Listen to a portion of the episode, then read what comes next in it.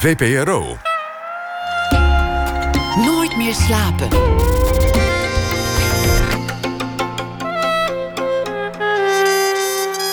Met Elfie Tromp. Welkom bij Nooit meer slapen. In België was het gisteren, net zoals bij ons, ook gedichtendag. Maarten Ingels nam deze dag als titel de afscheid van zijn titel als stadsdichter van Antwerpen. Een week eerder werd zijn nieuwe bundel Contact gepresenteerd. Een aantal gedichten uit die bundel schreef hij aan boord van een vrachtschip die van Antwerpen naar Sint-Petersburg voer. Na half twee hoort u een verslag van die bootreis. In komend uur zit tegenover mij dus tot een uur of half twee Paul Groot. Hij brak door bij het grote publiek als Stan, de gevoelige Hmm. graffiti-artiest in goede tijden, slechte tijden. Ik zat elke avond aan de buis gekluisterd. Hij maakte 15 jaar lang het satirische televisieprogramma Koef Noen met collega Owen Schumacher. Schreef en speelde onder andere voor Dit Was Het Nieuws, Spijkers met Koppen, Plien en Bianca. En wat misschien niet iedereen weet, de kinderserie Poesjes. Poesjes ook, ja. Heb je geschreven? De eerste, ja. Toen Ja. eh, van Gelder dat bedacht had, kwam ze bij mij voor een script. En eh, dat was een enorm bewerkelijke toestand. Voor haar vooral, want die, die beesten waren niet te regisseren. dus eh, uit een enorme berg observaties moesten verhaaltjes worden samengesteld. En uiteindelijk kreeg ik dan grofweg een verhaaltje voorgelegd. En daar maakte ik dan scripts bij. Wonderlijke manier van werken. Maar heel leuk. heel absurdistisch. Nou ja, ik ga nog heel even door met je introductie. In 2003 werd je uitgeroepen tot tv-persoonlijkheid van het jaar. Ook opmerkelijk voor iemand die vooral veel typetjes Ja, speelt. dat was bizar eigenlijk. Dat sloeg helemaal nergens op. maar wel verdiend. En ehm, je staat ook op de planken, vooral met musicals. Eh, je speelde onder andere eh, Adele, over Adele Bloemendaal. Eh, Robert Long, zijn leven, zijn liedjes. En je staat nu in het theater met You're the Top. Een musical over het leven en werk van een van de grootste Amerikaanse songwriters aller tijden. Die deze week zijn première beleefde, namelijk zanger en schrijver Cole Porter. Zo is het. Zo. Heb ik het allemaal genoemd nu? Ja, je hebt heel veel genoemd, ja. Ja, je- ja, ik kan niet alles, maar goed, we moeten ook nog kletsen. hè? hey, en je hebt net gespeeld. Mhm. Ik heb net gespeeld. Deze week première gehad. Ehm, hoe ging het? Hij ging heel fijn vanavond. Het was eh, een eh, fijne, volle zaal. En een warm applaus. En eh, hij ging lekker. Nou. En iets ontspannender natuurlijk dan de première. Dan voel je toch altijd wel de recensent in de zaal zitten. Er was er nu ook eentje, geloof ik. Maar dat is minder erg dan een stuk of tien. dan ben je toch een beetje overbewust. En dat zet toch een beetje de rem op eh, wat je staat te doen. Maar niettemin is de première ook goed gegaan hoor. Een paar hele mooie recensies gekregen. Ja, maar vanavond was lekkerder. Ben je een avondmens? Ehm, nou, dat wisselt met wat ik doe. Als ik bijvoorbeeld zoals Koef Noen doe, deed... dan stond ik gewoon om zes uur op om alle kranten te lezen... en eh, vroeg aan de slag te gaan. En zoals nu, nu ik dan theater doe... en zoals morgen gaan we naar Delfzijl... nou, dan kom je echt midden in de nacht eh, thuis. Dus dan slaap je een beetje een gat in de dag... Als het, eh, als het allemaal lukt, als de buurvrouw geen piano gaat spelen. dus eh, dan verlegt het zich weer een beetje. Maar van, van nature heb ik meer de neiging om vroeg op te staan. Ja. En heb jij rituelen als je moet spelen? Om de zenuwen te bedwingen? Nee, nou, Om focus te het fijne is... Ik heb een aantal jaar geleden was ik wel heel nerveus. Maar dat begint een beetje te slijten. Dus ik ben niet meer zo eh stront nerveus van tevoren. Dat is eigenlijk heel fijn. Wat is er veranderd? Ja, dat kan ik niet zo goed. Ik vraag het mezelf nog steeds af. Ik ben, ik ben aangenaam verrast door mezelf. Want ik heb echt wel gehad dat je dan voor aanvang ehm, in een theater naar buiten keek. En dan zag je, bijvoorbeeld in Haarlem, kun je dan heel goed eh, naar de huizen kijken achter het theater. En zag je mensen de afwasmachine leeghalen op hun sokken. En dan dacht je, oh, ik wil nu daar die afwasmachine leeghalen. Ik wil hier weg. en dat heb ik niet meer. Dat, eh, dat gevoel van eh, alles behalve dan hier in het theater zijn. Ik vind het gewoon, ik heb het nu wel naar mijn zin. Wat heerlijk. Ja. Het lijkt alsof er een gelukkig mens tegenover me zit. Nou, s- s- na de voorstelling altijd. Dan voel ik me altijd eh, eh, het lekkerst. dan is het gedaan. Is het allemaal gelukt. En eh, tevreden klanten. En dan, nou, dus dat geeft een prettig gevoel. Snap ik. Zakelijk. Zakelijk? Ja, klanten. Ja, ja, ja. Ja, ja zo noem ik het zo maar even. Ja. Ehm, laten we eerst even beginnen bij het begin. Wie was Cole Porter? waar, die je nu speelt? Cole Porter is een songwriter, Amerikaan...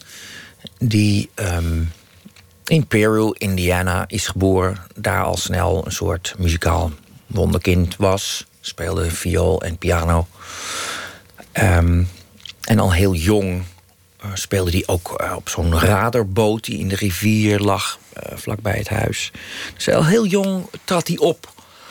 Um, toen later is hij naar Yale gegaan, is hij gaan studeren, rechten gaan studeren. Daar ontmoette hij Monty Woolley, dat werd zijn grote boezemvriend. Zijn acteur later geworden, met een bekende baard. Uh, met een aantal grote films gedaan. En die uh, kon het heel goed met elkaar vinden. Monty was eigenlijk op Yale al um, het, uh, het vijfnummer. De, de, man die de shows maakte, de schoolvoorstellingen. Maar al heel gauw bleek dat, uh, dat Cole daar eigenlijk nog een stukje beter in was dan hij. Ze, ze trokken heel veel met elkaar op en gingen samen musicals schrijven. En de, de clubliederen van Yale. Uh, maar ze hebben ook samen een, een show geschreven die naar Broadway is gegaan. See America First. Um, dat flopte. Dat, na 15 shows werd de show gecanceld. Dat vond hij heel erg. Maar opa zei, opa was rijk. Opa van, van moeders kant. Opa zei, ga maar lekker naar uh, Europa. Ga maar uh, pak een zeilboot. En ga studeren in Parijs. Dus daar is hij muziek gaan studeren. Daar ehm, heeft hij vooral heel veel feest gevierd. Dat was ten tijde van de Roaring Twenties, hè? de Roaring Twenties. Ja. Daar heeft hij toen zijn vrouw ontmoet, Linda Lee Thomas. Dat was een, een prachtige, een beetje een fotomodelachtige vrouw. Een beauty queen destijds. Een verstandshuwelijk ook? Dat werd een verstandshuwelijk. Ze hadden een hele leuke klik met elkaar. En, um, maar in de voorstelling zit ook een, een, leuke scène, vind ik zelf. Dat hij denkt, oh god, nu moet ik aan haar gaan opbiechten... dat ik eigenlijk meer van de mannen ben. En zij weet dat al lang, ze heeft het al lang door. En zegt, ja, dat vind ik ook prima, seks interesseert me niet. Ik zoek een reisgezel. Een geestverwant. En die gaat dus eigenlijk akkoord met uh, een verstandshuwelijk. Dus hij heeft een, uh, een maatschappelijk uh, geaccepteerd, geaccepteerde relatie. Uh, en zij heeft zelfs ook zijn grote liefde voor hem uitgezocht bleek uit de biografie. Dat zit dan niet zozeer in de, in de voorstelling. Dat zou het misschien iets te ingewikkeld maken. Maar zij heeft er destijds op aangestuurd... dat hij met Boris Kochno um, een relatie kreeg. Dat vond zij namelijk ook een leuke man. En dat vond ze wel een geschikte man. Een Russische dichter en danser. Ja, ja, en ook een soort muze voor veel kunstenaars. Dat is een heel bijzondere man. Maar toen Cole met zijn vrouw trouwde... toen zei Boris, ja, maar luister... ik uh, ben niet voor iemand voor erbij. Dus je kiest of voor mij of voor haar... En toen heeft hij toch voor zijn vrouw gekozen en is Boris weggegaan. En dat is eigenlijk uh, het grote verdriet van zijn leven geweest. Want sindsdien heeft hij nooit meer zo'n hartstochtelijke liefde gekend. En wel uh, allerlei relaties. En uh, als je zo zijn biografie leest, zijn er echt wel grote liefdes geweest. Maar nooit meer zo hartstochtelijk als met die Boris. Dat is best tragisch, dus dat hij door maatschappelijke omstandigheden daarvoor moest kiezen vond hij tenminste. Um, dus die, die Linda die heeft hem heel erg uh, gestimuleerd om uh, iets te doen met zijn talent. Want na die flop op Broadway had hij er eigenlijk niet meer zo'n zin in. En hing hij een beetje de playboy uit en uh, maakte leuke nummertjes voor, voor feestjes. Daar klom hij achter de piano en speelde wat. Maar hij nam het niet, niet zo serieus allemaal. En die Monty en zijn vrouw die hebben er echt op aangedrongen van ga nou weer schrijven. Nou, daar kwamen nog iets van negen jaar dat het allemaal niet zo vlotte. Maar op een gegeven moment uh, lukte het hem om uh, op Broadway succes te krijgen. En toen kwam het aan het rollen. Toen heeft hij in 26 jaar iets van 22 shows geschreven. En daarnaast nog scores voor films. Dus dat ging aan de lopende band door. Hij was uh, zeer geïnspireerd, zeer productief. En dat steeg tot grote hoogte. Ja, en er werd gezongen door de grote, door Frank Sinatra, Ella Fitzgerald, uh, Marilyn Monroe zelfs. Ja, ja, ja. ja. Uh, enorm bekende nummers. Um, ik denk misschien is het wel goed om even een nummer uit de show te laten horen. Oké. Okay. Um, Every Time We Say Goodbye, gezongen door Paul Groot ditmaal. Ja, ja.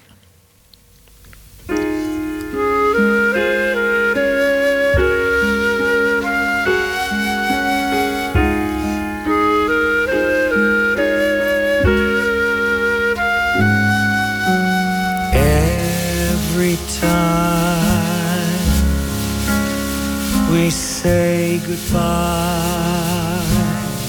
I die a little every time we say goodbye.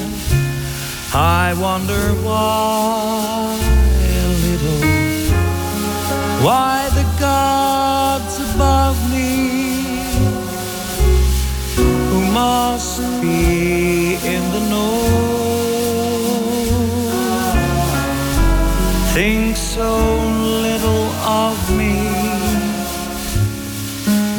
allow you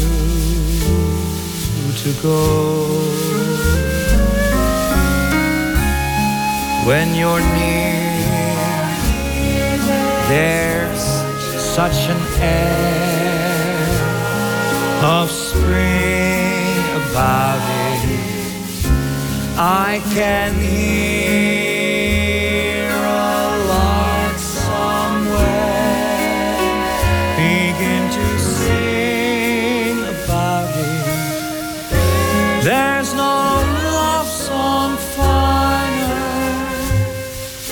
how strange the change from major to minor. Every time you say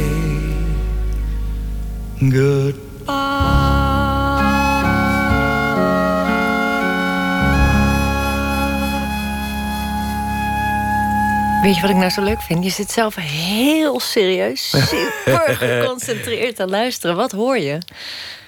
Um, een soort keurigheid. Die, uh, dat is een, dit is niet dit is speciaal opgenomen voor, tussen twee voorstellingen in, zeg maar.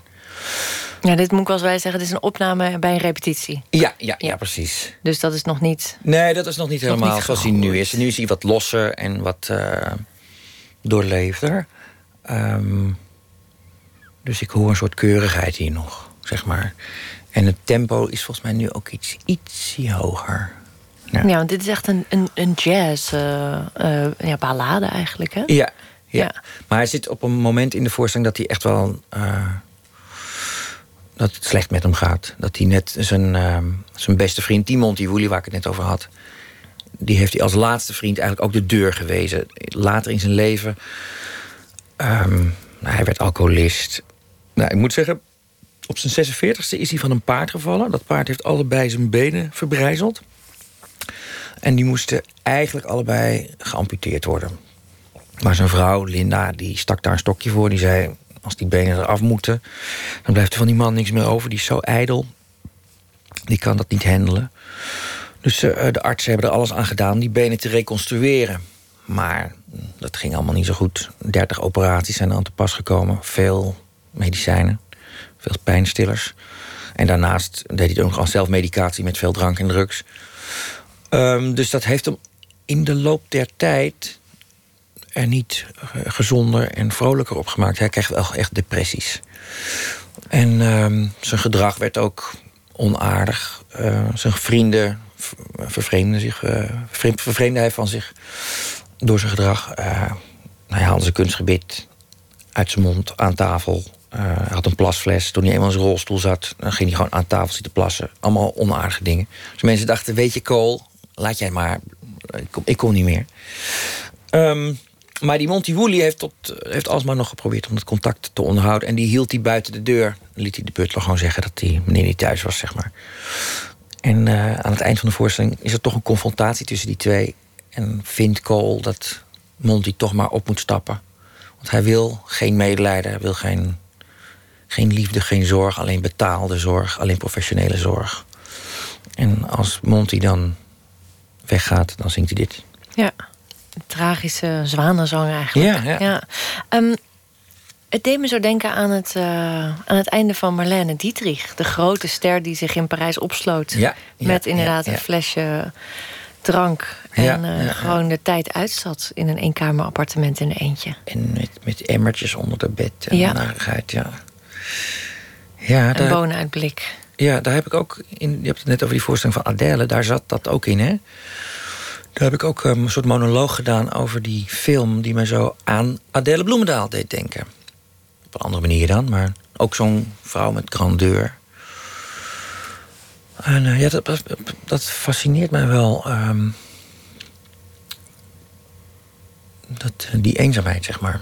Ja, wat, nou. wat, is daar, wat, wat raakt jou zo daar? Nou, omdat het zo'n de tegenpool is van uh, het uitbundige leven, het succes, uh, de façade van, uh, van groot succes. En dan op latere leeftijd toch niet in staat zijn om een gezond sociaal leven te blijven onderhouden. Je hebt ooit in een interview gezegd: Ik ben een zeer succesvol kluizenaar. Ja, nee, ik, daar heb ik talent voor, ja.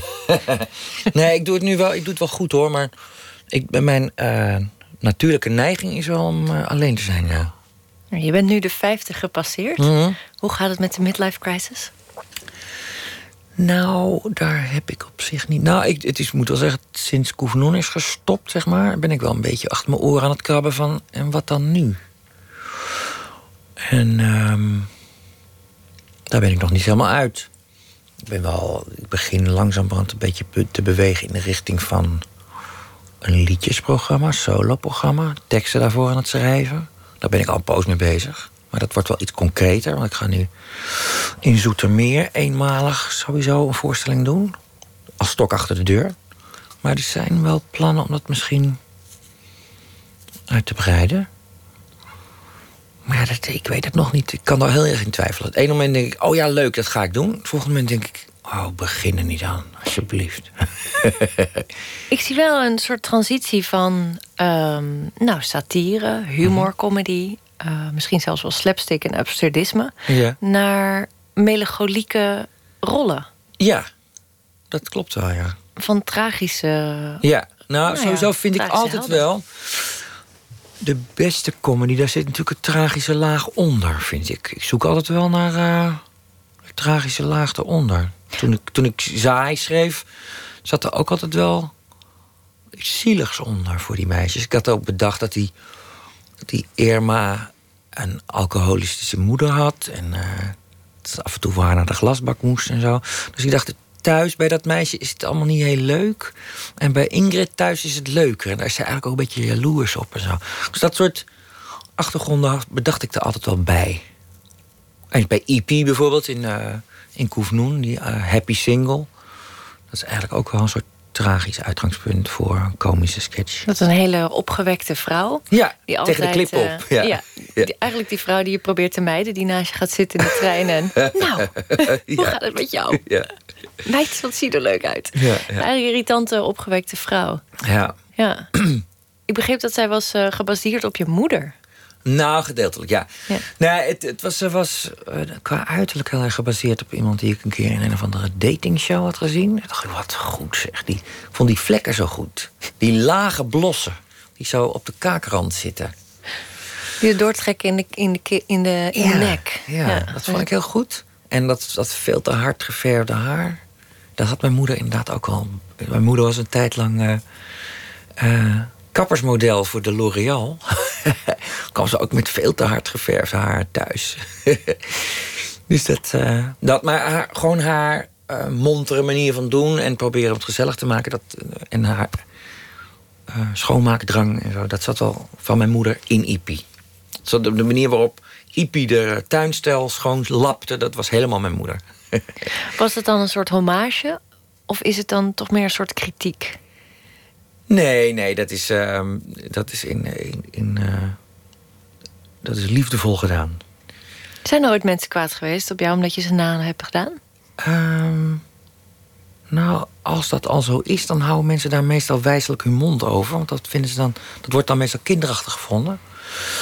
Nou ja, kleine dingetjes. Ik weet wel dat. Uh, wat Wouter Bos uh, had ik gespeeld en die had ik een, een kroket laten eten. Samen met, uh, met, met in een filmpje voor kopspijkers. Toen kreeg je wel te horen van, ja, hij is vegetariër, kom op. Dat soort dingen, weet je wel. Nee, piepkleine dingetjes. Uh, nee, zelden dat mensen echt heel boos... tenminste, voor zover me dat ter oren gekomen is, zijn geworden. Ik wil het zo nog even hebben over, over de satire en, uh, en de humor... maar ik wil nog heel even terug naar uh, Cole Porter. Mm -hmm. um, hij is al eerder geportretteerd door Willem Nijholt. Die speelde ook ja. deze uh, musical... Mm -hmm. nu 20 jaar geleden, zoiets? Ja, 22 jaar geleden. Ja. Eh, er zijn al meerdere films over zijn leven verschenen, biografie. Wat wilde jij toevoegen aan deze rol? Ehm, nou, sowieso. De eerste film was met Cary Grant. Dat was eh, in de tijd dat eh, homoseksualiteit nog not done was. Ehm, dus eh, de Cole Porter die Cary Grant speelde... was gewoon een lekkere heteroseksuele man... die met, met Linda een heel gelukkig huwelijk had. Hele zoetsappige film. Over de geweldige successen van Cole Porter. Nou, best oninteressant. Daarna kwam The Lovely met Kevin Klein. Daar zat al wel eh, dat homoseksuele aspect in... maar was nog steeds een hele lieve man tot het eind van zijn leven. Toen zag ik de voorstelling... of nee, chronologisch klopt het niet... maar later is de voorstelling met eh, Willem Nijholt gemaakt. En Willem heeft daar echt een sardonische man van gemaakt. Die die ook was, later in zijn leven. Ehm,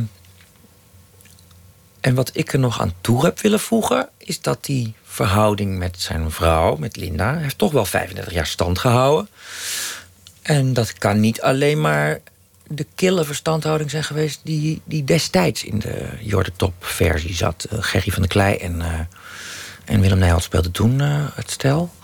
En toen dacht ik, ja, een graadje warmer mag ook wel. Dus met Marjolein en met Marjolein Keuning... die Linda nu speelt. En Gijs de Lange, de regisseur, hebben we gezocht... om dat wat gezelliger te maken. Ik snap het. Ehm Cole Porter had zelf een redelijk conflicterende houding omtrent openbare homoseksualiteit. Mhm. Ehm, hij trouwde hij, ehm, met een vrouw. eh, en hij keurde het ook af als mannen wel openlijk homoseksueel waren met elkaar. Zoals zijn vriend Wooly. Die uiteindelijk met zijn zwarte ja, huishouder of diener nou ja, dat is natuurlijk een relatie aangaat. nog weer een ander ding. Maar het eh, was gewoon, eh, gewoon racistische trekken. Ook. Zeer onprettig, ja. Dus dat, wat dat betreft wordt de, wordt de man niet opgehemeld in deze musical. Er wordt gewoon echt wel... eh, Nee, je ziet hem alle, alle, alle onhebbelijkheden worden wel getoond. Ja, ja, ja, Naast het genie is het ook gewoon eh kribbige, racistische man. Ja.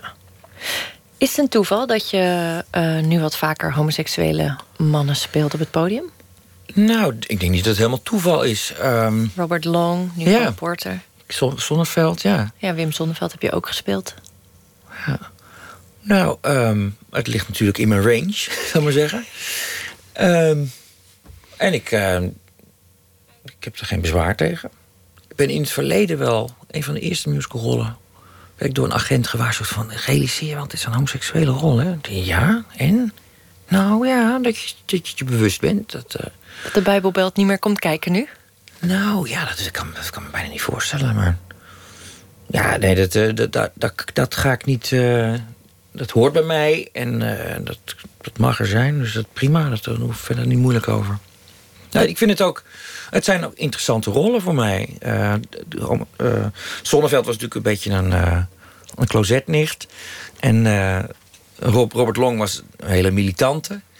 Dus het zijn ook allemaal binnen eh, binnen het genre homoseksuele man ook totaal verschillende mannen. Had jij rolmodellen? Ehm, nou. Kijk, je had natuurlijk in mijn tijd wel Jos Brink en zo, maar ik wilde eigenlijk niet zijn als Jos Brink. Nou, want dat hoor ik eerder, eh, vaker. Dat, zeker, zeker nou, twintig jaar geleden... dan de openlijke homoseksuelen waren altijd de, de, nou ja, de show. Ja. De showmannen. Ja, Ehm, of Gerard Reven. ja, ja. ja. Wat ook een scabreuze man was. Er was bijna geen eh, normale eh, homoseksuele man of zo te zien als rolmodel. Nee, ik, nu, dat je- nu je dat zegt, ik heb- denk niet dat ik heel erg me aan iemand optrok wat dat betreft. Nee. Was, was het voor jou een, eh, een groot moment? Nou, het was natuurlijk in de tijd dat, ehm, dat aids om zich heen maaide. Jaren tachtig. Ja, 4, 85 zo'n beetje. Dus ehm, dat was natuurlijk een heel, heel onveilig klimaat om uit de kast te komen. Dus ik, eh, ik was daar zelf helemaal niet blij mee. En ik vond het allemaal doodeng. Was je daar ook bang voor om aids te krijgen? Oh ja, ja, ja. ik heb ehm, jarenlang eh, niet op dat pad begeven. Ik denk, laat ze eerst maar een medicijn vinden en dan ga ik eens wat proberen. Ik was doodsbang. Oh, wauw. Ja. Heftig. Ja. Dus ik heb heel lang uh, daar de rem op gehouden. Dat is een doodsangst, letterlijk. Ja, ja, ik was sowieso al best hypochondrisch. Dus, uh, ik denk dat Freud daar hele interessante dingen over kan zeggen. Ja, ja, ja. ja. Dus, uh, nee, dat hielp niet echt. nee, dat kan me voorstellen. Je hebt ooit gezegd, uh, ik durfde niet in de etalage van de Sissy Boy te kijken... omdat ze ja. dan zouden zien me dat ik homo was. Ja, ja ik probeer aan alle kanten de, de schijn te vermijden, ja. En wanneer kwam dat punt dat dat verminderde? Um, nou, sowieso, als je gewoon echt een keer verliefd wordt... dan denk je ineens, oh, maar hè, wacht even. Dan krijg je ineens heel veel zelfvertrouwen van. En dan denk je ook, ja, dit, uh, dit is gewoon oké. Okay. Hier kan niemand een bezwaar tegen hebben. Daar ben je dan ineens heel erg van overtuigd. Is niet zo. Dan word je nog steeds nageroepen. Maar ik, ik had, voelde mezelf heel on, onschendbaar op dat moment. Dus dat was heel fijn. Ja. Cole Porter was al nou, redelijk uh, diep in zijn twintiger jaren... toen hij echt verliefd werd op zijn grote liefde, geloof ik. Ja. Wanneer gebeurde dat bij jou? Nou, dat was ook, ook was al best al in de twintig, hoor. Een stukje. Best, ik was heel laat, ja. Maar omdat dat zo onveilig was op dat moment. Ja, snap ik. En ik was al best, best verlegen ook. En, uh, ik, had een, ik had acne en ik vond mezelf uh, niet aantrekkelijk. En het allemaal, dus uh, dat schoot niet op. Je moet er nu om lachen. Ja. Is, het, is het klimaat veranderd? En nu komt gay-bashing vaak in het nieuws. Mm -hmm. um... dat was toen ook al, hoor. Ik vond het toen ook al uh, van alle tijden. Het is misschien iets meer in het nieuws nu, maar ik was daar altijd al bang voor.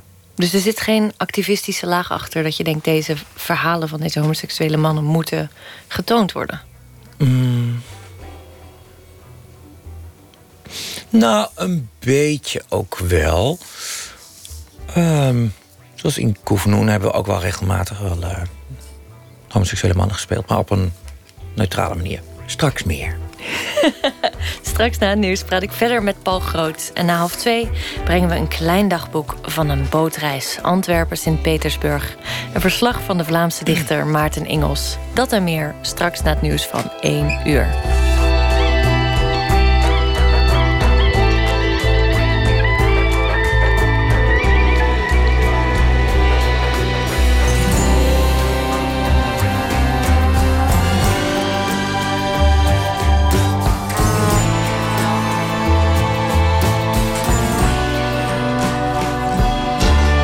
Radio 1. Het nieuws van alle kanten.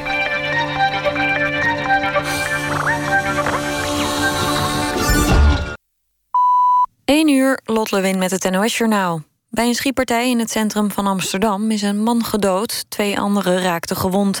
De schietpartij was in een wijkcentrum op het Wittenburger eiland. Er waren daar verschillende activiteiten aan de gang.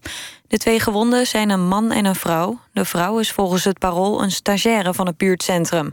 De krant meldt ook dat het dodelijke slachtoffer een 17-jarige jongen is. De politie spreekt van een conflict in het criminele circuit. Er is nog niemand aangehouden. De vermoedelijke vluchtauto is uitgebrand aangetroffen in Amsterdam Nieuw-West. Het voltallige bestuur van de Amerikaanse Turnbond treedt af. De bond geeft daarmee gehoor aan een oproep van het Amerikaanse Olympisch Comité eerder deze week. Het comité had de bond opgeroepen om schoon schip te maken na het misbruiksschandaal rond de gerenommeerde arts Larry Nesser. De voormalige sportarts van de Amerikaanse turnploeg werd woensdag veroordeeld tot 175 jaar cel voor seksueel misbruik van meerdere turnsters. Naar aanleiding daarvan gaan het Amerikaanse Huis van Afgevaardigden, de Senaat en het ministerie van Onderwijs onafhankelijk van elkaar onderzoek doen naar seksueel misbruik in de sport. Een miljardairs-echtpaar uit Canada dat eind vorig jaar dood werd gevonden... is waarschijnlijk vermoord. Dat concludeert de politie na een nieuw onderzoek. Het echtpaar werd in december gewurgd gevonden in hun villa.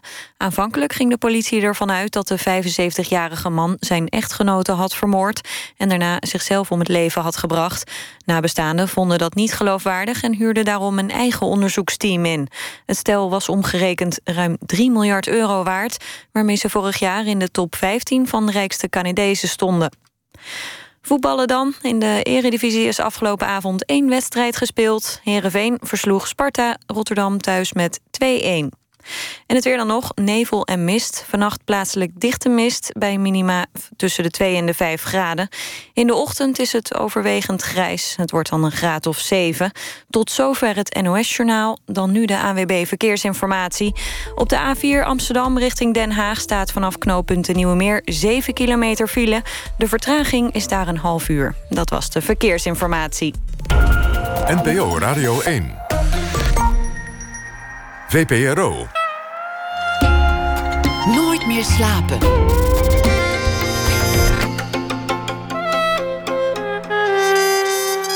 Met Elvie Tromp. Welkom terug bij Nooit meer slapen. En tegenover mij zit Paul Groot, die momenteel schittert in You're the Top. De musical over de Amerikaanse liedjeschrijver Cole Porter. Voor het nieuws hebben we het onder meer gehad over musicals... Uh, het schrijven voor een serie met poesjes en homoseksualiteit. En um, ik wil het even hebben over satire. Ja. Satire is ingehaald door de realiteit, heb je een keer gezegd. Ja, nou ja, dat is vooral de situatie met Trump nu natuurlijk. Dat je denkt, ja, uh, het heeft dus helemaal geen enkele zin. Mensen zijn aan alle kanten gewaarschuwd voor die man... en toch hebben ze met z'n allen op hem gestemd. Dat vind ik iets om moedeloos van te worden eigenlijk wel. Ja, uh, het heeft dus geen enkele zin hoe belachelijk je die man maakt. Mensen blijven toch gewoon op, op, op die hork stemmen. Ben je activistisch ingesteld? Nee, te weinig eigenlijk. Um, nee, ik ben al, um, blijf een beetje onder de radar. ik vind het. Daarom, daarom doe ik dat dan liever via een omweg. Via een type. Of, of geef er een vorm aan. Maar ik vind het lastig om zelf mijn stem te verheffen en zeggen: jongens, het zit zo en zo. Wordt wel iets meer hoor, wordt wel, wordt wel stelliger. Maar je ontvangt zoveel agressie tegenwoordig uh, op, op meningen. Dat, uh, dat weerhoudt me wel een beetje. Dan denk ik ook, ach, anonimiteit is ook heel veel waard. Gewoon. Uh, um, ja. Anonimiteit is ook heel veel waard. Ja. Dat is best opmerkelijk als je dat zegt als podiumkunstenaar... die toch als beroep heeft om bekend te zijn ook. En ja. voor ja, dat mensen is, te staan. Ja, maar dat is toch in een rol. Dus dat vind ik iets totaal anders. Maar ja, dat komt natuurlijk bij kijken... dat je dan inderdaad ook uh, à titre personeel uh, naar buiten moet treden. Um, à titre personeel? Ja. Dat is chic. Ja, wel ja. Denk, het is laat op de avond, dat kun je gerust. Nou ja, in mijn, in mijn, in mijn uh, voorbereidingen op dit gesprek... Uh, merkte ik hoe weinig eigenlijk je over je privéleven praat. Ja. Je bent vrij gesloten. Ja, dat is ook wel bewust. Ik vind het wel uh, prettig om die deur dicht te houden. Wat, wat wil je vermijden? um, wat wil ik vermijden? Ja, uh, dat je gewoon te veel uh, prijs geeft. Ik wil gewoon liever iets uh, te raden overhouden dan alles op tafel gooien. Ik vind dat ook voor acteurs beter werken. Als je iets nondescripter bent, dan kun je beter opgaan in rollen. Dan wanneer je van de hoed en de rand... Kijk, Kevin Spacey heeft zich daar ook lange tijd van bediend. daar kijken wij natuurlijk toch anders naar... als hij nu nog weer een rol zou spelen. Ja, dat, dat is dat, dat, is wel een extreem voorbeeld. Ja. Maar, um, ja, zo. Is, is, dat, is dat het belang? Is het leven van de maker niet van belang, maar zijn werk wel? Um, nou, je, je wordt er natuurlijk nieuwsgierig naar. Want ik doe met die voorstellingen die ik over Adele en over Zonneveld en Robert Long en nu Cole Porter heb gemaakt, doe ik niet anders dan kijken wat er achter de façade zit. Daarom, je doet het Ja. wel bij andere mensen. Ja, precies. Nou, dat En er is natuurlijk niks zo lekkers na twaalf achter, achter maar andere mensen Achter de façade te kijken, ja. Hoe zit dat? Hoe zit dat? Ja, hoe zit dat? Wat is precies de vraag? Hoe zit wat? nou, ik ben wel benieuwd. Ik zie, ik zie collega's waarvan je uh, wel regelmatig terug aan talkshowtafels, echt Ja. als persoonlijkheden, Ja. Ehm, spelletjes. We hadden Hoe, eh, wie is de mol? Ehm, dus in hun eigen hoedanigheid eh, naar buiten treden. Ja. Kijk je daar dan op neer? Nee, ik kijk er helemaal niet op neer. Want ik, zij kunnen iets wat ik ook helemaal niet kan. Ik zou aan Wie is de Mol zou ik echt niet mee kunnen doen. Ze zouden niks aan mij hebben. Echt niet? Nee. Nee, ik zou, dat, uh, ik zou daar geen enkel fanatisme voor aan de dag kunnen leggen. Dat interesseert me gewoon niet. Met een portofoon achter elkaar aanhollen en letters verzamelen. Het, interesseert me echt helemaal niets. Dus uh, waardeloze kandidaat zou ik zijn. Je zou toch denken dat acteurs toch ook wel een beetje... nou, sp sp spelgericht zijn? Ja, maar uh, dat is een totaal andere vorm van spel, vind ik. Het is doen alsof wat ik doe. Hmm. Dat is uh, mijn vorm van spel. En niet uh, achter letters aanhollen. Waar komt jouw fascinatie met theater vandaan? Wanneer is het begonnen? Um, nou, als ik mijn vader en moeder moet geloven... dan liep ik op mijn vierde al met een servet onder mijn kin geklemd als Sinterklaas rond. En dat bleef dan heel hardnekkig, bleef ik in die rol. Dus um, ik heb altijd wel vrij hardnekkige fantasie gehad. Dus ik ging bijvoorbeeld ook met mijn, ging op een keukenkruk zitten met mijn voeten op mijn tractor. Had ik zo'n springtouw eromheen. En ik weet al dat voor mij zag dat er dan uit als de Pipo-wagen uit de televisieserie Pipo. Daar achter mij was gewoon die hele. Die, die wagen was daar. Dus voor mij, ik zag daar wel een keer een foto van hoe ik daar dan bij zat. Maar in mijn hoofd is daar een ander plaatje opgeslagen. dus ik, uh, ik had wel een uh, sterke fantasie. Ik heb altijd wel leuk gevonden om uh, in een fantasiewereld te verkeren, zeg maar. Ja, dat is het voornamelijk. En ehm, ik vind het leuk om aan mezelf te ontsnappen. Um, mijn eigen saaie zelf te, te ontvluchten, zeg maar. Extremiteiten van iemand anders aan te nemen. Het is ook een beetje ik leen de jas van iemand anders, ik leen het ego van iemand anders. Ik ben vanzelf niet heel erg op de voorgrond en uh, ik roffel me niet op de borst, zeg maar. En dat is soms een beetje te weinig voor op een podium. Dus dan heb ik, uh, dan heb ik uh, een rol nodig. En dat geeft mij dan vrijheid. Ben je bang dat je saai bent? Ja, enorm, ja. ja. Oh, dat is echt een angst. Daar ging je heel snel op antwoorden. ja. Nou ja, dat is, dat, dat is in relaties is dat echt een ding, ja. Ik altijd, denk, altijd denk dat ik saai ben. Ik ben in relaties ook altijd aan de kant gezet. Dus um, uh, zij, zij dumpte mij altijd. En misschien ook omdat ze, mannen van mij een, een spannender leven verwachten of zo. Maar ik ben echt een beetje, zoals André van Duin, redelijk uh, huiselijk en niet heel spectaculair van aard. Dus uh, dan, valt, dan valt het misschien tegen als mensen van alles van me verwachten. Je zat bij het amateurtheater met je moeder. Mm -hmm. En met mijn zus ook op een gegeven moment, ja. Wat gezellig. Dus het was, het was een, het was een uh, familiebrede... Uh, een passie, ja. Passie. Ja. Kun je daarover vertellen?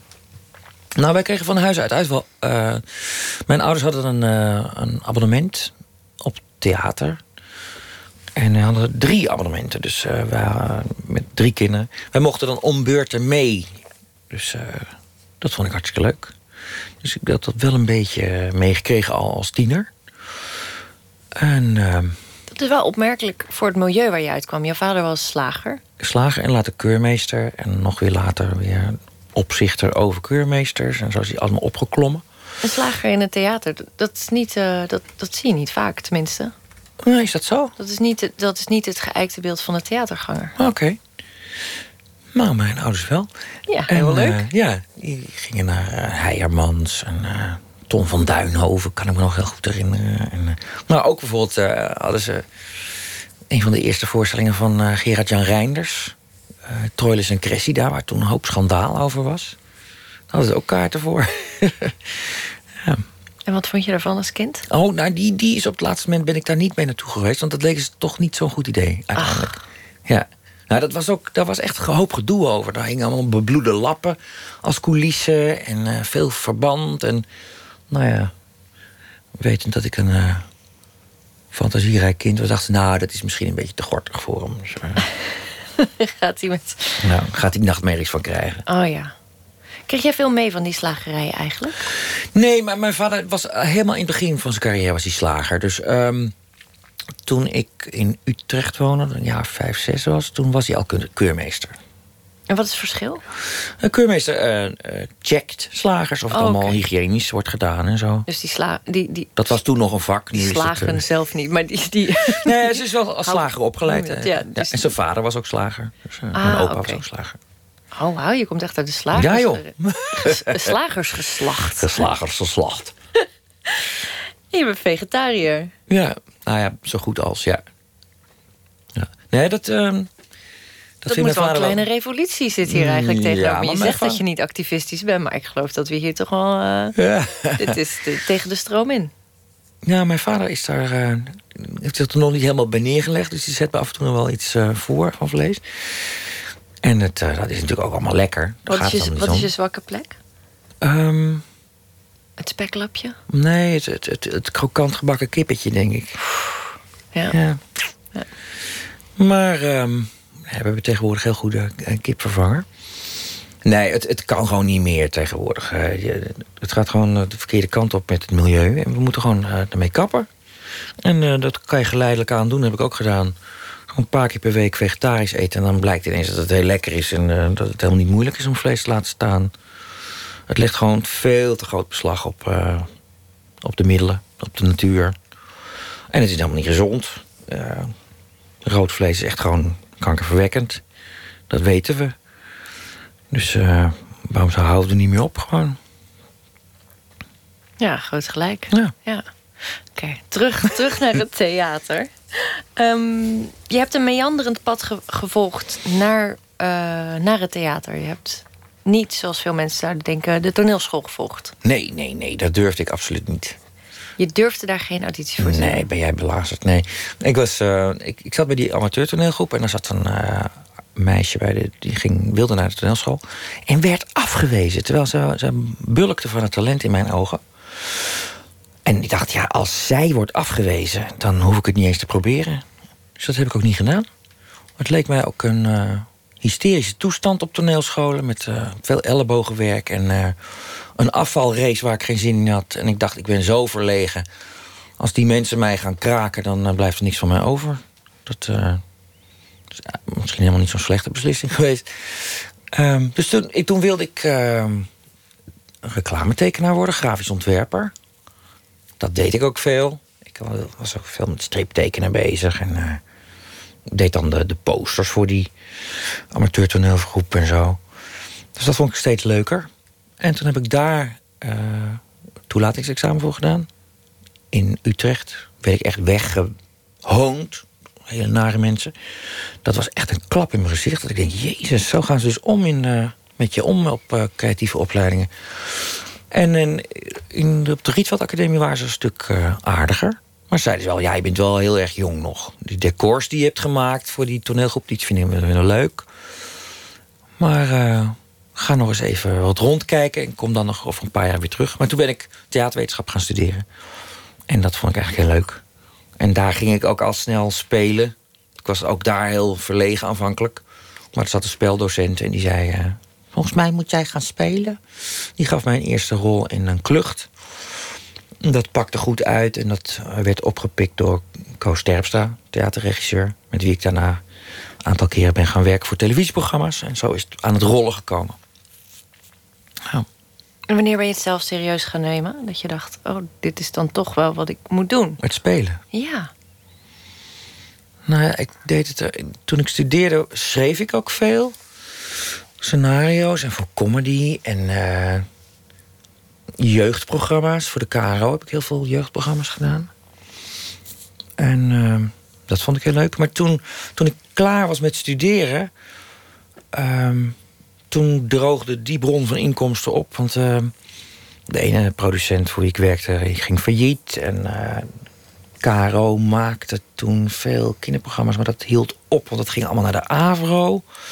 Dus het stopte allemaal. Toen dacht ik, ja, een half jaar gewoon geen werk gehad. En toen dacht ik, ja, ik moet iets gaan doen. Ik werd er ook niet vrolijker op, alleen thuis zittend. Dus toen ben ik me bij het castingbureau gaan aanmelden. En daar kwam toen goede tijden uit voort.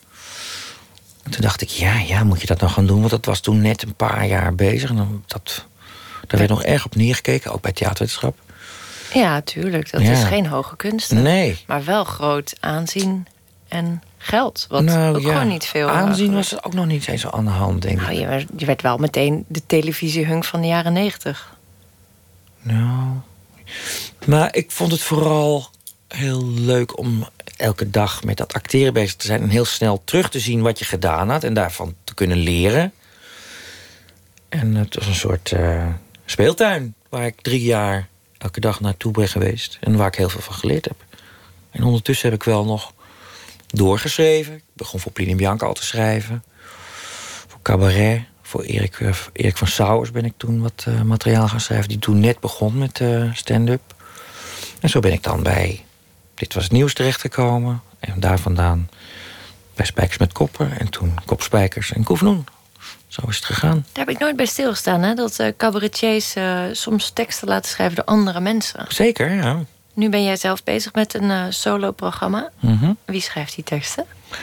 Nou, dat wil ik ook niet allemaal zelf doen. Ehm, af en toe kom ik ook hele goede teksten tegen. En denk, oh, wauw. Dan, dan zie ik een column van Peter Buwalda of zo. Dat vind ik dan zo bijzonder, zo goed geschreven. Of Sylvia Witteman heeft af en toe ook hele briljante dingen erbij zitten. Dus denk ik, dat is, kan je eigenlijk zo doen op een podium. Dus dat zou ik dan wel... Wat vind je zo goed aan hun werk? Nou, Peter Buwalda vind ik vooral heel origineel in zijn eh, teksten. Ja, gedachtensprongen en zoals hij dingen verwoordt, vind ik echt eh, fantastisch. Dus dan, eh, Denk je dat jij ooit de stap naar proza zal maken? Naar een roman schrijven? nee, dat denk ik niet. Nee. Nee, daar heb ik helemaal geen ambitie op dat vlak. Nee. Alles wat ik schrijf is wel bedoeld om te performen. Op televisie of in het theater. Of op de radio desnoods. Daar heb ik ook een post gedaan. Maar ehm, geen proza. Nee. Het is wel vluchtiger. Het is vluchtiger. Ja, wat jij doet. Wat ik doe. Ja. Ja. Ja, maar ik vind de dramatische vorm eh, hoort gewoon bij mij. Op de een of andere manier. Ja, wat. Ik vind dialoog mooi. Ja. Je kunt zoveel suggereren met eh, kleine beetjes tekst. Er kan een wereld achter zitten. En eh, ja, ik vind in, in proza vind ik dat zei hij nadenkend en zo vind ik altijd onuitstaanbaar. Dat, eh, ik, vind, ik hou van dialogen, maar als je ze in, in boekvorm krijgt, dan komt er een hoop ruis bij waar ik een ontzettende pest aan heb. En toen kwam Koefnoen. Ja, we zaten bij, eh, bij Kopspijkers en daar maakten we eens in de week een leuk filmpje. Bijvoorbeeld BZN in Bagdad, kan ik me nog goed herinneren. En ehm, daar wilden we eigenlijk meer van. Maar daar was tijd nog budget voor. Dus toen dachten we, ja, misschien moeten we dan gewoon een eigen programma gaan maken. En eh, dat probeerden we aanvankelijk bij de VARA te slijten. Maar er zat destijds een, een directeur die eh, vond dat we gewoon lekker bij kopspijkers moesten blijven. Dus die wilde daar niet echt haast mee maken. Toen zijn we het eh, verderop gaan zoeken. Toen zijn we bij de AVRO terechtgekomen. En daar kregen we een contract voor vier jaar. Om echt iets op te bouwen. En een eh, mooie zak met geld. En toen konden we gewoon een programma gaan maken. Dat was fantastisch. Want dat werd een waanzinnig succes. Dat Ja. uiteindelijk 15 jaar duurde. Nou, dat heeft 13 jaar geduurd, ja. Dus hebben met, met, met kopspijkers erbij maak ik eh 15 jaar televisiesatire, zeg maar. Ja. Fair enough. En toen werden jullie niet meer eh, als gepaste inhoud van de zaterdagavond geacht. ja, dat hield ineens op, ja. Wat deed dat met je? Dat het Ehm, geschrapt werd. Ja, dat vond ik, heel, vond ik heel jammer. De klacht was een beetje dat het, eh, dat het bij het grote publiek wegging, zeg maar. Dat het te veel, dat het soms te elitair was. Ik kreeg zelfs de klacht dat eh, mijn geliefde Ipi... de doelgroep van de Tros belachelijk maakte. Ach, Terwijl ik dacht, kom op jongens, als je nou niet ziet dat dat met, dat met liefde is gemaakt... dan heb je wel iets in je ogen zitten. terwijl satire ook juist is om een spiegel voor te houden. Ja, en het hoeft niet bikkelhard en vervreemdend te zijn. Het kan ook gewoon... Ach ja, weet je wel, een soort... Ja, zachtmoediger, zachtmoediger zijn. Dus ik vond, het, ik vond het heel jammer dat het stopte. Het klinkt En- alsof je niet eens was met, het, met die kritiek. Nee, met die kritiek zeker niet. Ehm, nee, ik zie wel dat wij misschien niet altijd de grootste onderwerp van de week behandelden.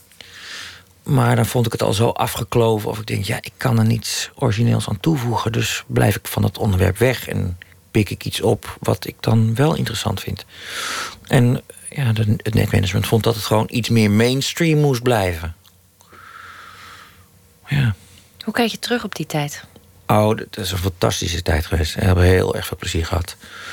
Sowieso een heel goede samenwerking met Owen, nog steeds. En uh, de producent die dat gemaakt heeft, uh, Irene van der Brekel, uh, Human Factor.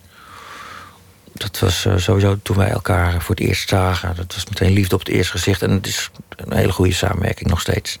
Echt iemand die je kunt vertrouwen. En, ik weet zeker dat er nu heel veel Kofnoen-fans ook luisteren. Um, en ik begreep dat er nog sprake was van dat jullie een nieuw familieprogramma aan het oprichten waren. Klopt dat? Nou ja, we hebben natuurlijk afgelopen najaar geprobeerd om uh, een satirische nieuwsquiz te maken met Sofie Hilbrand. En met, uh, uh, met Tim Kams en Roel Bloemen. Maar dat is niet helemaal gelukt. Dus dat komt door de week heen was het? Dwars door de week? Dwars door de week, ja. Dus dat wat mij betreft komt daar geen vervolg op. Nee. Ik ben ook wel een beetje klaar met de imitaties, eerlijk gezegd. Ja, je zei al eerder, de realiteit heeft satire ingehaald. He heeft het eigenlijk nog wel nut?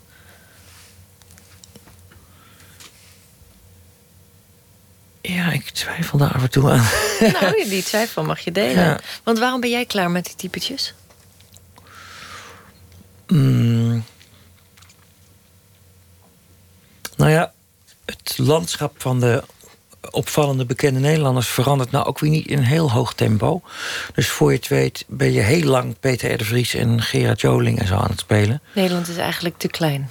Ja, weet je wel. En uh, nou, Carlo Boshart, toen doe ik met zijn tv-kantine ook is ook het hele terrein uh, kaal gevreten. Dus, uh, Was het dan ook vaak dat, dat je daar naar keek en dat je dacht... ah, ze hebben hem al gedaan? Ja, zeker wel, ja. En heel goed ook, hè. René van der Grijp of zo, dat was heel erg goed wat hij deed. Sowieso zijn heel veel types die hij heel goed gedaan heeft. Dan voelt het een beetje mosterd naar de maaltijd... als wij dat dan ook nog zouden doen. We deden er wel iets anders mee. Maar toch voelt niet fris meer gewoon. Dus dan, dan maar niet. Ja die, die typetjes, um, die komen dus ook niet meer terug in je eigen show. Vermoedelijk niet. Gaan we dan de echte Paul Groot zien nu op het podium? Ja, ook wel, denk ik. Maar um, ik denk dat ik ook wel rollen wil spelen. Op een gegeven moment zat ik te denken... misschien is het wel leuk om een programma te maken met allemaal rollen die ik toch nooit zal krijgen. Die ik dan gewoon mezelf geef, zeg maar. Wat is zo'n rol die je zou willen spelen die je toch nooit krijgt? Nou, ik zou bijvoorbeeld. In, je hebt in de musical Matilda. Uh, het hoofd der school, Miss, Miss Trunchbull. En dat is een, uh, in, in het theater is dat een travestierol. Een, uh, een man met een, een, een, aangetrokken bochel, zeg maar. En elastiekje in zijn haar. Grote, grote vratten opgeplakt. Zeer onappetijtelijk sujet, die vrouw. En dat is een superleuke rol. Maar ik moet nog maar zien dat die rol ooit in Nederland gespeeld gaat worden. Door wie dan ook. Want de licentie is gewoon heel erg duur. Dat is een heel succesvolle show. Dus dat zie ik niet 1, 2, 3 in Nederland op de planken komen. Dus dan zou je bijvoorbeeld een paar nummers daarvan... in je eigen programma kunnen doen. Goh, ik denk nu echt dat jij gaat nu zoiets zeggen als... ik wil nog Hamlet spelen in mijn leven, iets serieus. Nou, maar je begint nu weer over een typetje. Ja, zo'n typetje, ja. maar bijvoorbeeld, ik vind ook Jago uit uh, Othello... Oh ja. Dat, zijn, dat is daar jeuken mijn handen ook wel bij. En dat zal ik ook niet 1, 2, 3 krijgen. Dat is ook wel iets uh, waar ik iets mee zou willen doen, ja. Want wat, wat, wat is er zo spannend aan Jago? Mm. Dat is een bijpersonage. Stokenbrand, nou. Ja is echt een, vind ik echt wel een, meer dan een bijpersonage. Echt een stokenbrand. Die, uh, brengt de intrigue op gang. Dus dat vind ik wel heel interessant. um, Wanneer is die show eigenlijk in uh, Zoetermeer? Ja, dat is we half... hebben het nu al een hele tijd over solo show, maar ik weet Ja, ik nee, wil natuurlijk komen kijken. Ja, het is is dit? natuurlijk veel te groot woord. Het is een, een probeersel, hè. Zij hebben mij gevraagd om eenmalig eh, iets te komen... een avond te komen verzorgen. Doen ze nu drie keer in het, eh, in het jaar. René Verkoot heeft het ook een keer gedaan. En ik mag dan het seizoen afsluiten. En eh hebben ze een budget om een bandje op de, op de been te brengen. En, eh, Er is nog geen exacte datum. ja, 15, 15 juni. is het 15 idee. juni. Ja, Oh, dat nou, de tijd begint al te dringen. ja, ja Robert. Je, je zit hier nog wel zo ontspannen, maar Ah, ja. je moet aan de schrijftafel. Ja. We zijn een beetje aan het einde van ons gesprek gekomen. En ik zou graag willen afsluiten met een medley van liedjes eh, die Cole Porter heeft geschreven voor de grote der aarde. Dus we gaan luisteren naar medley met liedjes gezongen door onder andere Marilyn Monroe, Ella Fitzgerald en Fred Astaire. Oké, leuk.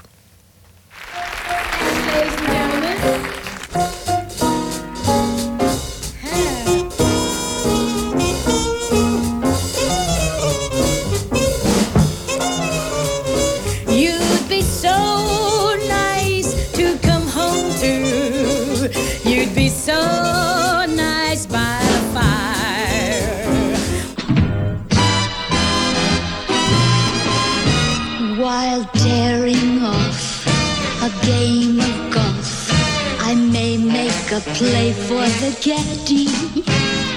But when I do, I don't follow through, cause my heart belongs to daddy.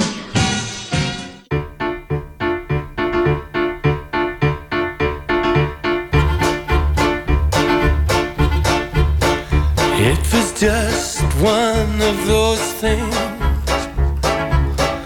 Just one of those crazy flings. One of those bells that now and then ring. Just one of those things. So a voice within me keeps repeating you, you, you, night and day. You are the one, only you beneath the moon and under the sun. I'm a toy balloon that's faded soon to pop. Buddy, baby, I'm the bottom, you the top. Ba-da-ba-doo-doo-doo-doo.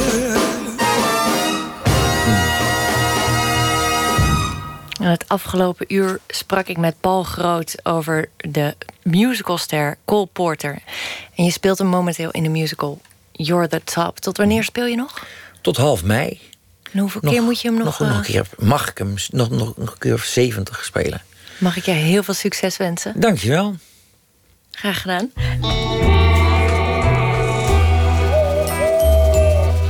En wij gaan hier door met muziek. Georgia Smith featuring Stormzy. Let Me Down. De Engelse zangeres Georgia Smith heeft voor haar nieuwe single de handen ineengeslagen met rapper Stormzy. En dit is het resultaat. Let Me Down.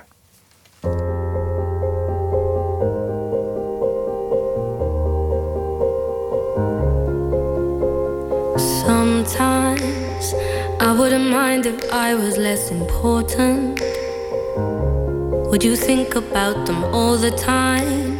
Wonder if you'll even notice in the morning. So where'd you go when you can't get to me and you just can't control? Sometimes I wouldn't mind if I was less important. But I've got you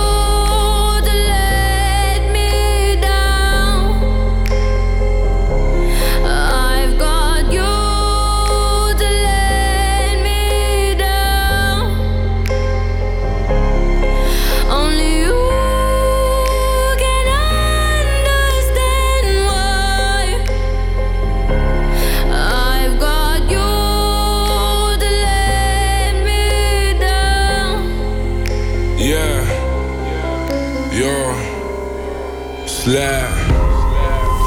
You've got me, I ponder on that. Said I'll be back in a sec, I need to reflect, but you swear it's been longer than that. Time is gold and time is thin, but time is rare, so we squander on that. I feel your pain when I hear your voice, so fix your tone and it's stronger than that. And you're like the strongest girl I know. Probably the strongest man, it's my mum. Don't go wasting your loving on me. When I see tears on, I'm likely to run. So girl, don't love me, I mean it. When I say I love you, I mean it. And it's my car, choose to be distant. But it's fuck, I know what a queen is. So why do I?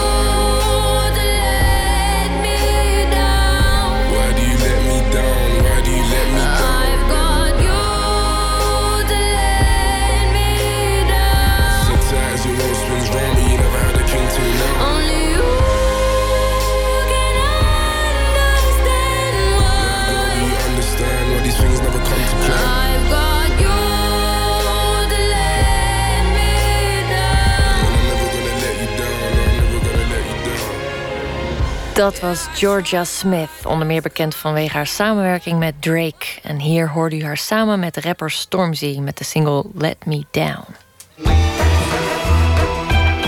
Nooit meer slapen. Dichter Maarten Ingels was tot gisteren de stadsdichter van Antwerpen. Hij heeft inmiddels de fakkel doorgegeven aan Mout van Houwaard. Vorige week werd Maarten Ingels nieuwe bundel Contact gepresenteerd. Een aantal gedichten uit die bundel schreef hij afgelopen zomer aan boord van een vrachtschip die vanuit de haven van Antwerpen naar Sint-Petersburg voer. Precies 300 jaar eerder, in 1717, bezocht Tsaar Peter de Grote Antwerpen om met een rol touw de hoogte van de kathedraal te meten. Waarom hij dat precies wilde doen, dat is mij onbekend. En Ingels keerde terug uit Rusland terug met gedichten en geluid die radiomaakster Catharine Smet tot het volgende klankverhaal heeft gesmeed. Klein dagboek van een bootreis Antwerpen-Sint-Petersburg. 12 augustus 2017, Antwerpen. Ik heb van Vladimir Nabokov het boek mee Poems and Problems. Met uit het Russisch vertaalde gedichten en complexe schaakproblemen. Maar torens kunnen toch niet bewegen, dacht ik als kind. Toen grootvader de korte rokade toonde. Een georchestreerd dwalen. Zoals ik mijn leven tot gedichten en problemen dobbel. Ik krijg een kooi toegewezen. Een cel. Een stuurhut. Uitgerust met de vers ter wereld kijkende verrekijkers om naar drenkelingen in de verte te kijken. Even a, even a little desk to write or read and a window to see. Wonderful. Ik vernieuw de prikklok van de werkelijkheid en voel hoe het vrachtschip zich van de kade afduwt, zich door een sluis murwt.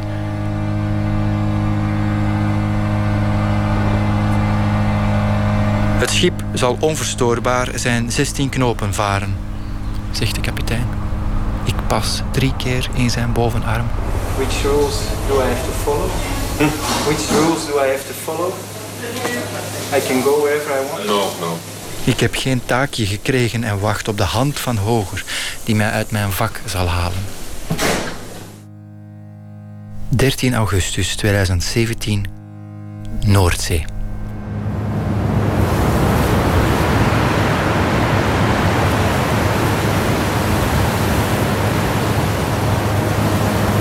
Ik heb mezelf opgedragen in 2017 naar Sint-Petersburg af te reizen.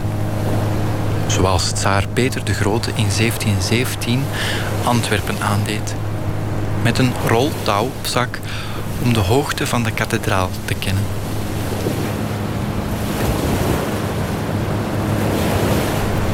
Ik meet mij al schakend met de mensen. Ik chargeer al door. Met uit broodkruimels gekneden paarden. Dat iemand mij een brood toesteekt en ik de spons met speeksel tot een stel koningen en dames knutsel.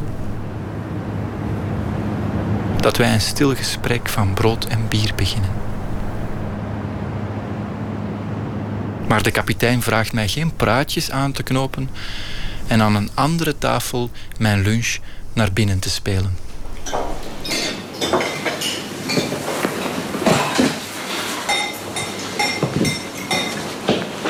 De uiensoep met spek schommelt ongrijpbaar in mijn bord. Drie gehaktballen, kogels in het kanonnenvlees van een stuk carbonade. Hamburgers met kippenvleugels op pizza, ham, salami. De machinist aan het voorhoofd glimmend van vet. In het wiegen van het schip heen en weer gesommeerd. Twee passen vooruit en één opzij. Twee passen vooruit en één opzij. 14 augustus 2017. Toenadering. Een ijsblokje uit de Noordpool snijden. In een diepvriesboot naar de Zuidpool varen. Het Noordpoolijs met een haardroger in het Zuidpoolijs smelten. En daarna ook omgekeerd.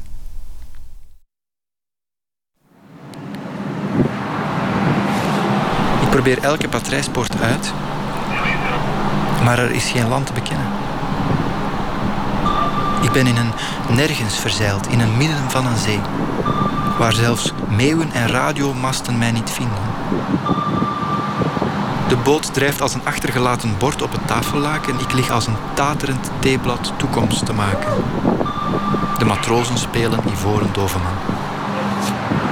De kapitein neemt me bij mijn pionnenhoofd en positioneert mij naar het voorste voorsteven waar de reddingssloepen op sabotage worden geïnspecteerd. De lichtmatroos knevelt mij als een boegbeeld aan een mast met mijn gedichten knoken bleekwit van afgekookte dromen. Ik spuw mijn naam in het water als een telegram van steen en wacht tot de kringen oevers aantikken. Ik ben de gom van gisteren en het potlood voor morgen. Ik ben een vooroorlogsdichter en zoek aansluiting bij een linie.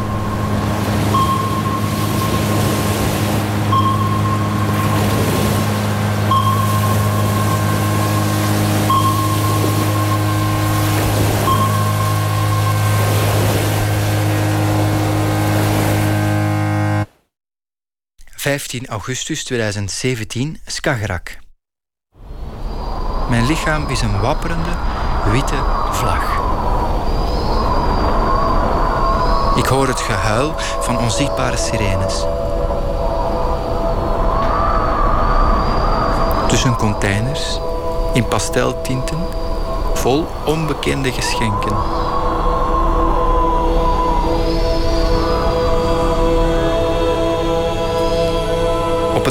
Kampt de kapitein met lange vingers zijn baard. Naakt in een badkuip vol heet water gooit hij regenbogen als ankers uit. Zijn sigarettenadem waait in stoomwolken. Hij lost op in de richting van Malmö. Kopenhagen glimt als een koperen keteltje. Ik word dronken in het gezelschapsspel van landen. Mijn hersenen deinen in mijn schedelpan. Moeten boeren van misselijkheid in de wildernis van het water. Ik ben lichaamsvreemde materie. Ik ben een verstekeling. Ik heb een vreemd lichaam. Ik ben een vreemd lichaam.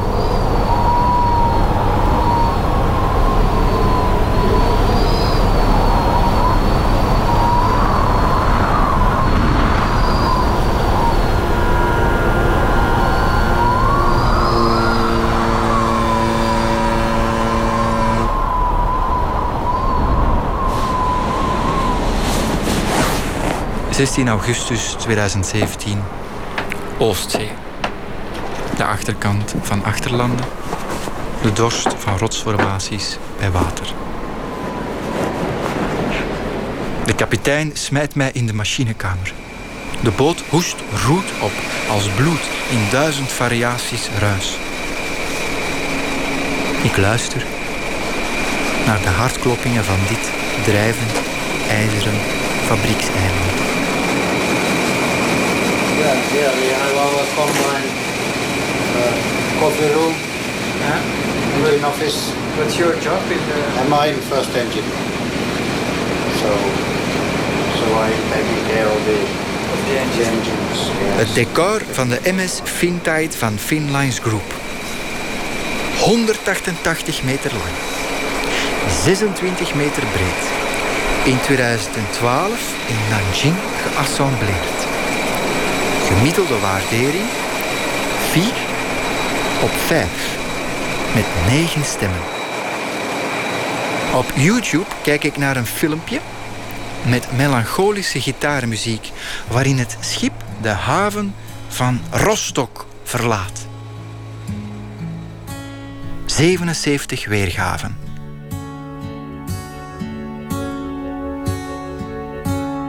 Ik kras mijn score in de bodem van de boot. 13 drenkelingen. En maar 7 zeehonden. Eén weergave.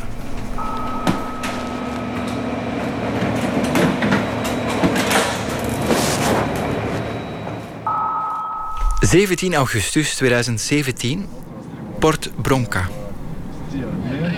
Rusland komt aan boord om de papieren van mijn gezicht te controleren. De hoge petten van de officieren zijn mismaakte zwammen. Ik heb de kostuumwisselingen van de koningin onder de knie. Een flamboyante grootheidswaanzin van een pony.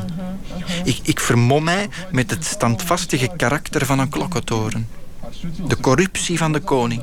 De acceleratie van de ongeduldige loper. Schepen zijn magneten voor bliksems. Spataders knetteren in mijn keelzog.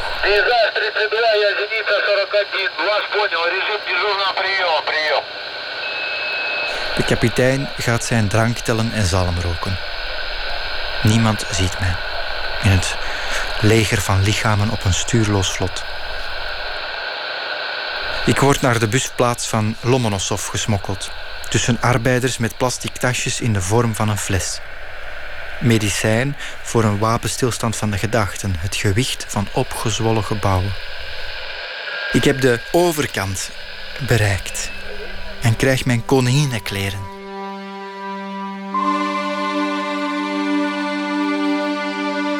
18 augustus 2017, Sint-Petersburg. Wat vreten Russen veel watermeloenen, overal watermeloenen. De watermeloen is een zoete zee in een groene schil. Ik zou met een postduif naar huis willen schrijven over de waterhoofden in piramides op straat gestapeld. Een enkele opengespleten schedel met het dieprode water en de zwarte pieten die daarin stuurloos drijven. Op de Nevsky Prospect dans ik een dans op damesstenen. Een verleidingsdans om te worden geschaakt. Mijn handtekening is een ceremoniële dans, een sierdans voor geknielde bloemkransen. Maar de grote slag blijft uit. Alleen in mij de oorlog.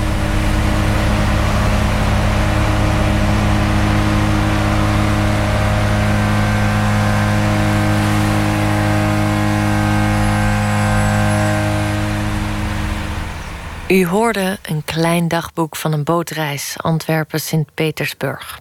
Een verslag van de Vlaamse dichter Maarten Ingels en gemonteerd door Catharina Smets. De gedichten zijn opgenomen in Contact, het nieuwe boek van Ingels waarin hij nieuwe poëzie, beeld en performance verbindt. Door met muziek nu.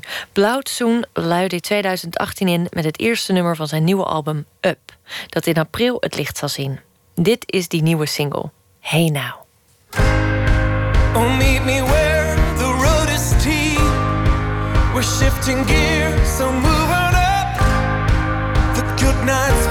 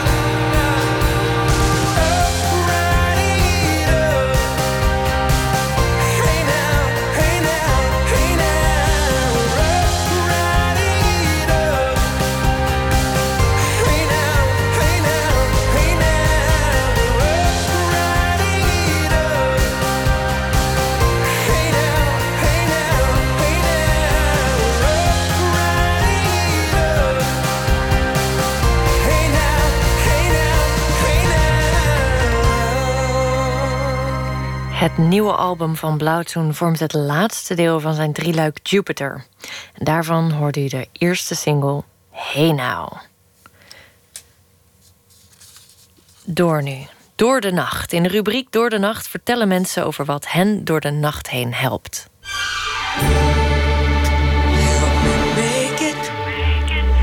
through the En vannacht is dat met schrijver Christian Weitz over het essay Restez vivant van de Franse schrijver Michel Houellebecq. Het is een klein boekje. Geel met bruin. Maar ik heb het niet meer als boekje. Ik heb het kunnen terugvinden. Ik heb het alleen in een verzameld werk kunnen terugvinden. Het gaat over, ehm, over schrijven, lijden en poëzie.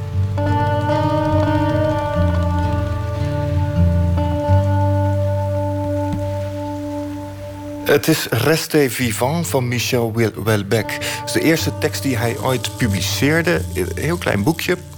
Uh, een, een, methode voor het schrijven. Eigenlijk een soort eh, programma. En, waar hij eigenlijk alles... wat hij later is gaan schrijven, komt daaruit voort. En dat vind ik, een, ik vind het een heel troostrijk boekje. Nou is Michel Welbeck niet iemand die mensen met troost associëren... maar ik doe dat wel.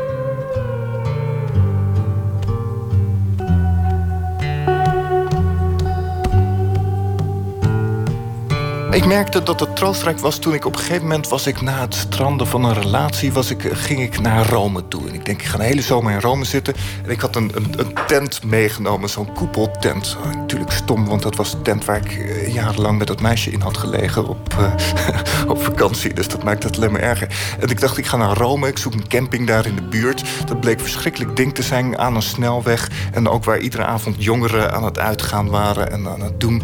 Maar wat ik bij me had was Reste Vivant van Michel Welbeck. En dat gaf een enorme troost.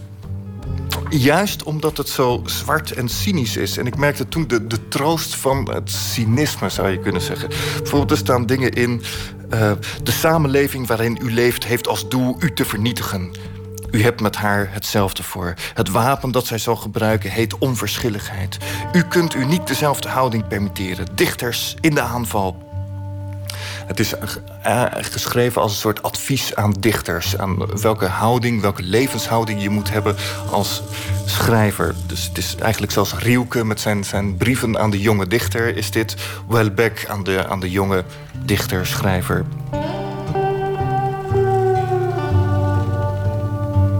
Welbeck schrijft ook op een manier... wat je zou kunnen noemen een soort um, onweerlegbaarheid heeft hij. Dat hij beweringen over de samenleving en het leven doet waarvan je denkt, ja, dat is precies hoe het is. En dat geeft ook een soort troost van het ligt niet aan ons. Het, het is eerst de wereld die niet deugt, waar alles verrot is. En daarna pas is het aan ons individuen dat het niet deugt. Maar wij kunnen er eigenlijk ook niks aan doen. Dat, is, dat heeft iets, iets troostrijks. Dus de, de troost van het negativisme. De troost van het zwart kijken omdat ik met de blik. Omdat ik met de blik van Welbeck daar door zo'n stad als, als Rome rondkeek. En ook precies de dingen waar hij over schrijft. Over de onmogelijkheid van relaties. Die dacht ik bevestigd te zien. En dat gaf een soort triomfantelijk gevoel van. Kijk, zo zit het. En zo zit het in elkaar. En ook, dus, dat is dan toch een overwinning op de een of andere manier.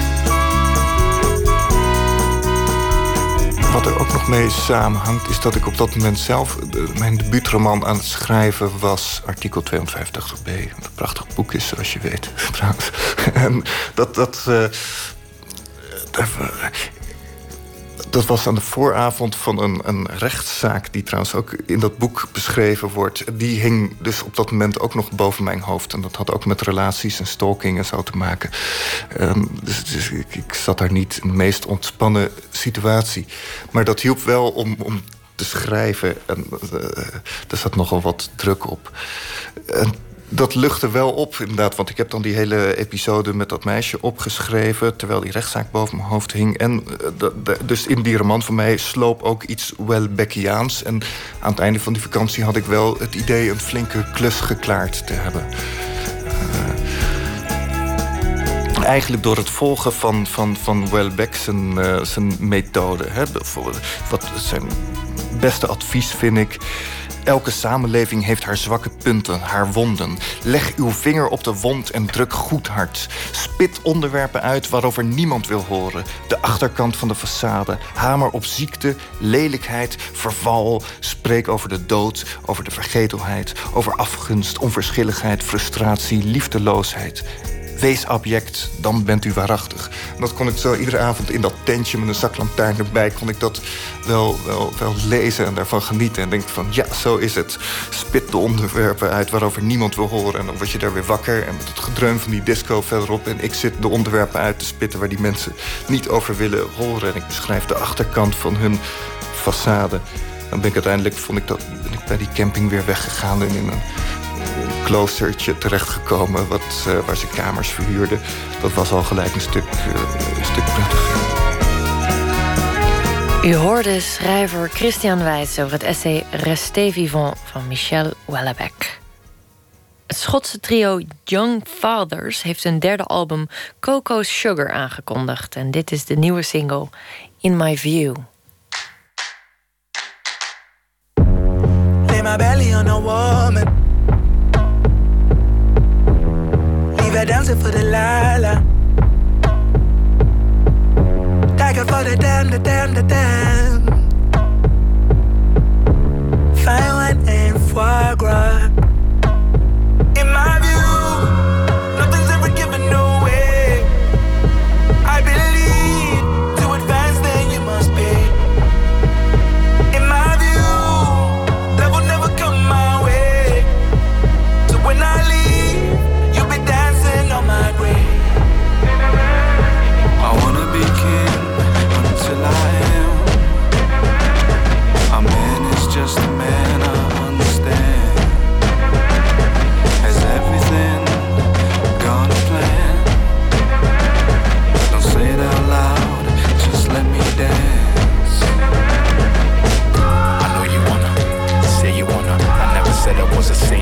Saint, I'm a sinner again, sin again, and then I sin again, again, again, again. I really wanna take your honor. I'm writing blank checks, I'm a greedy bugger. I take your daughter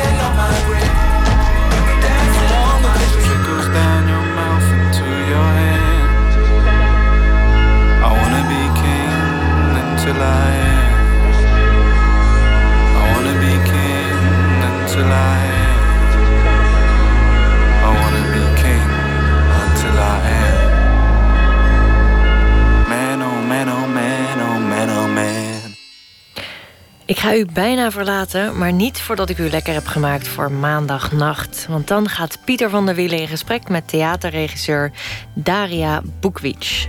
Zij is geboren in de Bosnische stad Tuzla. Toen ze in 92 de Joegoslavische burgeroorlog uitbrak, vluchtte ze met haar moeder naar Nederland. In 2011 studeerde ze af van de regisseursopleiding van de Toneelacademie in Maastricht.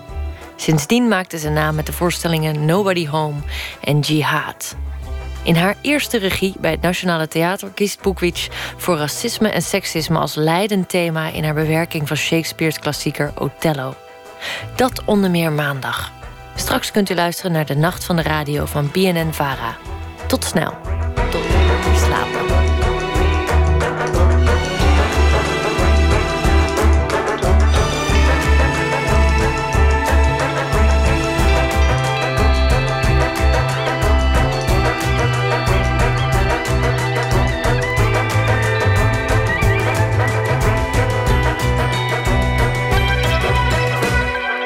Radio 1, het nieuws van alle kanten.